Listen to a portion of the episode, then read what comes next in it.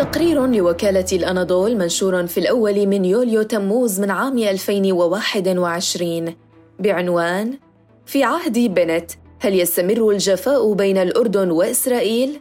شهدت العلاقات بين الأردن وإسرائيل جفاء واضحا في عهد رئيس الوزراء الإسرائيلي السابق بنيامين نتنياهو لدرجة دفعت الملك عبد الله الثاني إلى وصفها خلال جلسة حوارية في الولايات المتحدة بأنها في أسوأ حالاتها ودفعت انتهاكات إسرائيل المستمرة بحق المسجد الأقصى وفلسطين عامة نحو مزيد من التدهور في العلاقات بين البلدين حيث تمثل تجاوزا صريحا من تل أبيب لدور عمان ووصايتها على مقدسات الأرض الفلسطينية المحتلة.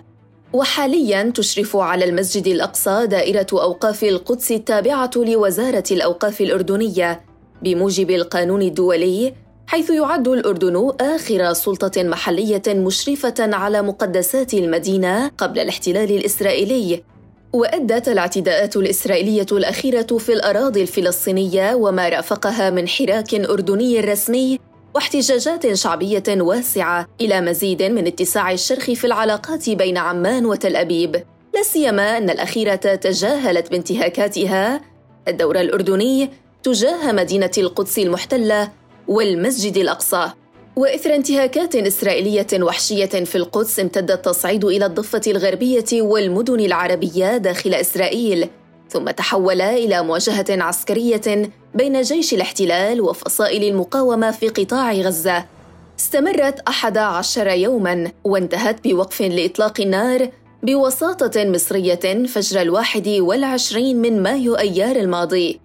ومع تولي نفتالي بنت زعيم حزب يمينا رئاسة الحكومة الإسرائيلية في الثالث عشر من يونيو حزيران 2021 يتوقع متابعون أن تختلف منحنيات العلاقة بين الجانبين خاصة أنهما يرتبطان باتفاقية سلام منذ عام 1994 محمد خريشة أستاذ العلوم السياسية بالجامعة الأردنية رجح في حديث للأناضول أن تكون الحكومة الإسرائيلية الجديدة أكثر تركيزاً على القضايا الداخلية وأقل اهتماماً بالإقليم. واستثنى من ذلك تقليل الاهتمام الإسرائيلي بالملف الإيراني واصفاً دورها فيه بأنه محدود في ظل إدارة أمريكية ديمقراطية برئاسة جو بايدن تسعى مع شركائها الأوروبيين للوصول إلى اتفاق مع إيران بشأن برنامجها النووي. وتابع خريشة أن علاقات الأردن بإسرائيل مرت بأسوأ حالاتها في عهد نتنياهو لأربعة أسباب. وأوضح أن السبب الأول هو شخصية نتنياهو الإشكالية ونظرته للأمور بفوقية وعدم قدرته على التعامل مع الواقع والشركاء بشكل إيجابي. والسبب الثاني وفق خريشة هو طبيعة التحالف اليميني الذي شكل حكومته المتطرفة تجاه القضايا الرئيسية فيما يتعلق بالقدس والاستيطان ومدى أهمية الدور الأردني كشريك للسلام في المنطقة. ورأى أن تمرير صفقة القرن المزعومة عبر تحالف نتنياهو الثلاثي مع الرئيس الأمريكي السابق دونالد ترامب وصهره جاريد كوشنر وعدم تلبيه المشروع لأدنى المطالبات الفلسطينية والأردنية كان هو الآخر سببا لسوء العلاقات بين عمان وتل أبيب. وفي يناير كانون الثاني 2020 طرحت واشنطن مشروعا لتسوية سياسية عرف إعلاميا بصفقة القرن وهو منحاز لإسرائيل ومشحف بحق الفلسطينيين. أما السبب الرابع فهو تمدد الاختراقات الإسرائيلية للمنطقة.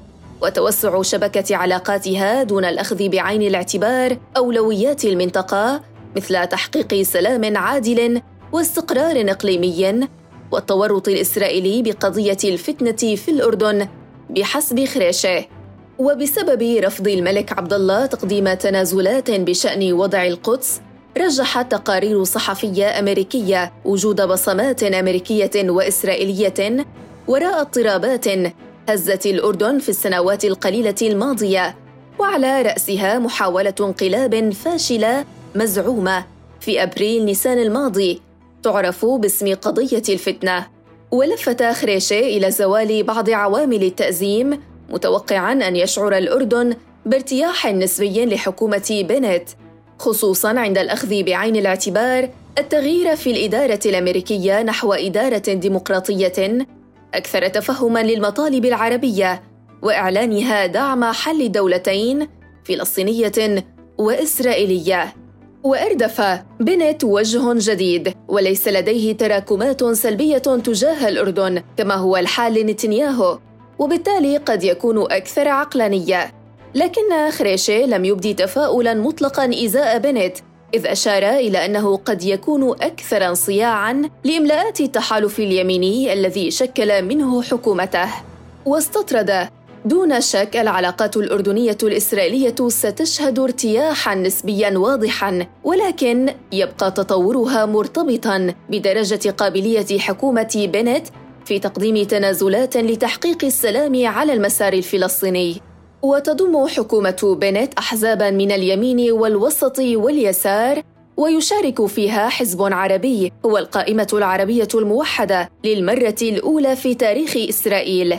أما خالد شنيكات وهو أكاديمي ومحلل سياسي فقال للأناضول إن العلاقة بين الأردن وإسرائيل تنظمها معاهدة السلام لعام 1994 وقد تضمنت قواعد في إدارة العلاقات بين الطرفين. وأضاف أن المعاهدة أشارت إلى أن الأردن لديه مصالح أساسية في تعامله مع إسرائيل ولا بد من احترامها من جانب تل أبيب وفي مقدمتها الأماكن المقدسة ووصاية المملكة عليها. وتابع أي إجراء إسرائيلي يهدف إلى تغيير الوضع الراهن يؤدي إلى التأثير بشكل سلبي على العلاقة مع الأردن وذلك يشمل الاستفزازات المستمرة من قبل المستوطنين والحكومة الإسرائيلية داخل الأراضي المقدسة كالتهجير وبناء المستوطنات ومنع المصلين من إقامة شعائرهم وهذا يمس بالوصاية الهاشمية. كما اعتبر شنيكات أن أي جمود في حل دولتين من جانب إسرائيل سيؤدي إلى تأثير في العلاقة مع الأردن. وأوضح أن إسرائيل تتجه نحو اليمين المتطرف وتعيش أزمة معه بكل أبعادها وهذا يعني استمرار أجندتها المتمثلة في بناء المستوطنات وفرض السيادة المطلقة على القدس وكل الضفة الغربية والجولان. واستطرد هذه السياسات بالنهاية تؤدي إلى المساس بالمصالح الأردنية وتهديد مصالح المملكة. وشدد شنيكات على أن هذه السياسات الإسرائيلية تؤدي إلى حالة من عدم الاستقرار في كامل المنطقة بل قد تكون أساسا لتجدد الصراع فيها دون حل دولتين وأن تكون القدس الشرقية عاصمة للفلسطينيين وهذا يتطلب استئناف الجهود السلمية.